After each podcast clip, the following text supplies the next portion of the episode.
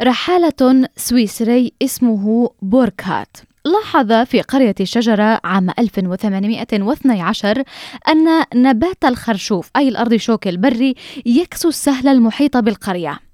كانت الغابات والنباتات تغطي سفوح التلال المواجهة لقرية الشجرة من الجنوب. كانت القرية رابعة كبرى القرى في قضاء طبرية من حيث المساحة. وقت الانتداب كان عدد سكان الشجرة 770 نسمة وكانت تحتل موقعا أثريا يحتوي على أسس كنيسة وحجارة عليها نقوش وقبور منحوتة في الصخر.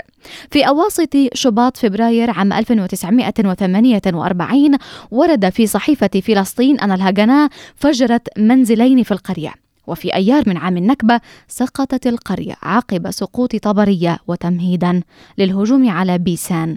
وقد جاء الهجوم في سعي للسيطرة على الجليل الأسفل قبل منتصف أيار وكان عدد الوفيات غير معروف. ووقع ذلك في أثناء محاصرة لوبيا وهي أيضا تقع قضاء طبرية. إن زرت القرية اليوم سترى حطام المنازل والقضبان الحديدية مكسوة بنباتات برية وسترى الصبار يغطي الركن الغربي من الشجرة. أما الجانبان الجنوبي والشرقي فتقوم عليها حظائر المواشي التابعة لمستعمرة إليانا المجاورة التي كان اسمها سجرة ثم تغير بعد ذلك. مستوطنة أقيمت عام 1902 على أراضي قرية الشجرة التي تبعد عن طبرية بسبعة وثلاثين كيلومترا جنوبا.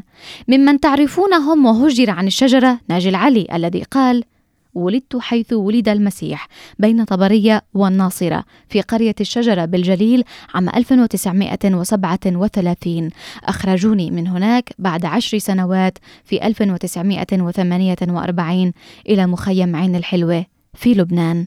لشبكة أجيال أسيل دزدار